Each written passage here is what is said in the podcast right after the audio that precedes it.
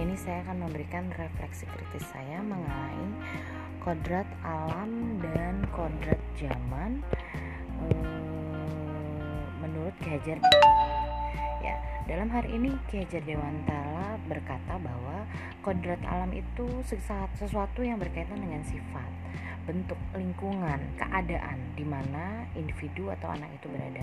Sementara kodrat zaman berkaitan dengan isi, irama, keseharian mungkin ya.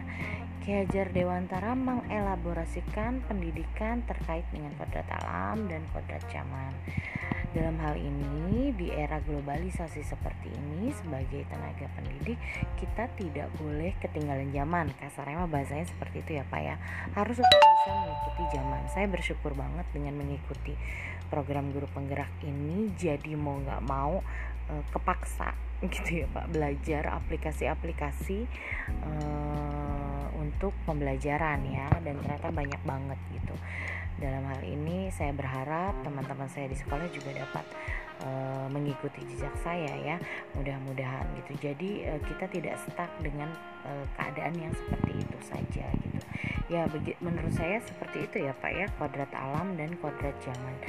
Selain itu Ki Hajar Dewantara juga mengingatkan kita bahwa yang namanya anak itu kodratnya selalu berhubungan dengan kodrat zaman. Situasinya tidak bisa disamakan ya. Situasi zaman dulu ketika saya sekolah dengan zaman sekarang tidak bisa gitu jadi tetap harus berpusat kepada siswa.